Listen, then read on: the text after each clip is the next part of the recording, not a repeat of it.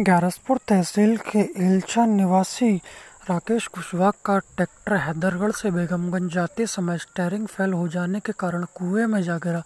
फ़िलहाल कोई जनहानि नहीं। ट्रैक्टर पर बैठे दो लोगों को आई मामूली चोटें। बता दें कि हैदरगढ़ से बेगमगंज की ओर जा रहा राकेश कुशवाहा का ट्रैक्टर ग्राम गोपालपुर के समीप एक कुएँ में जा घुसा।